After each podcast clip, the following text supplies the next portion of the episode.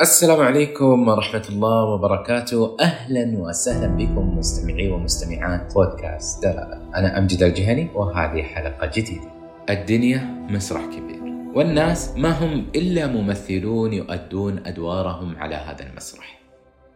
هذه العبارة المنسوبة لشكسبير شكلت الركيزة الأساسية لنظرية عالم الاجتماع الأمريكي غوفمان الذي ينظر للتفاعلات اليومية في إطار المسرح. فالناس في جميع تصرفاتهم ممثلون أو متفرجون. فهم يحاولون نقل انطباعات معينة لجمهورهم من خلال تصرفاتهم. يؤدون أدوارهم ضمن فريق عمل وإن كانت الفردية ظاهرة في تصرفاتهم. تكون حياتهم بين الوقوف على خشبة أو الركون إلى غرفة خلفية.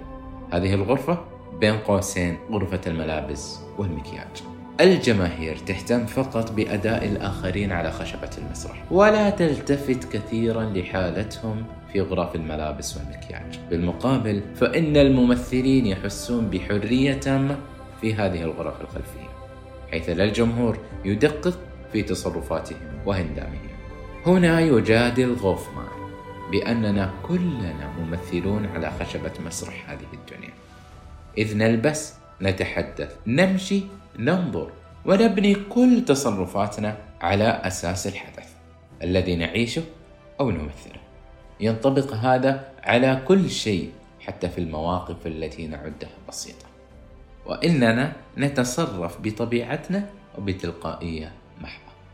قد يبدو هذا مثير للإشمئزاز في حال عده نفاقا أو تصنعا. ولكن غوفمان يتعامل معه من وجهة أخرى هي الوعي. عامة الناس يهتمون بمستويات مختلفة بانطباع الآخرين حولهم على عدة أصعدة. نبدأ بالمظهر مرورا بالأحاديث والأفكار ولا تنتهي بالمواقف. بالتالي فإن الإنسان يهتم بانطباعات من حوله. وإلا لماذا لا نخرج بملابس المنزل للعمل والمناسبات؟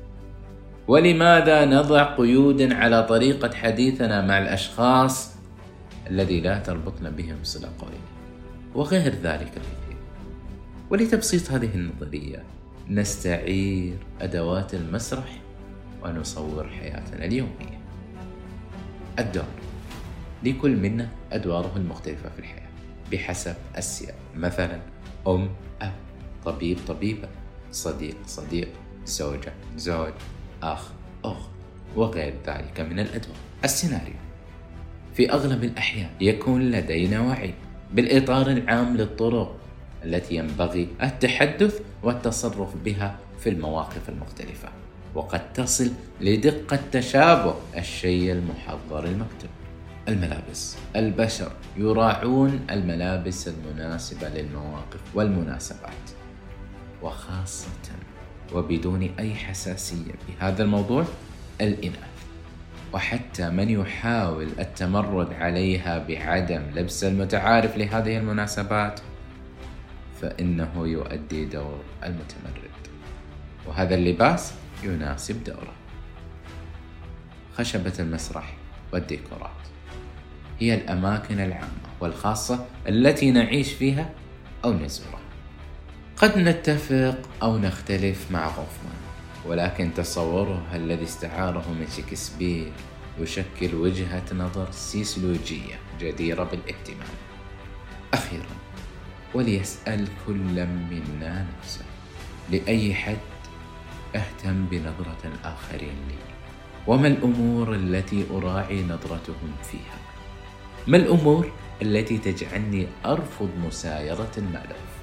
هل ما أفعله تمرد أم حق شخصي؟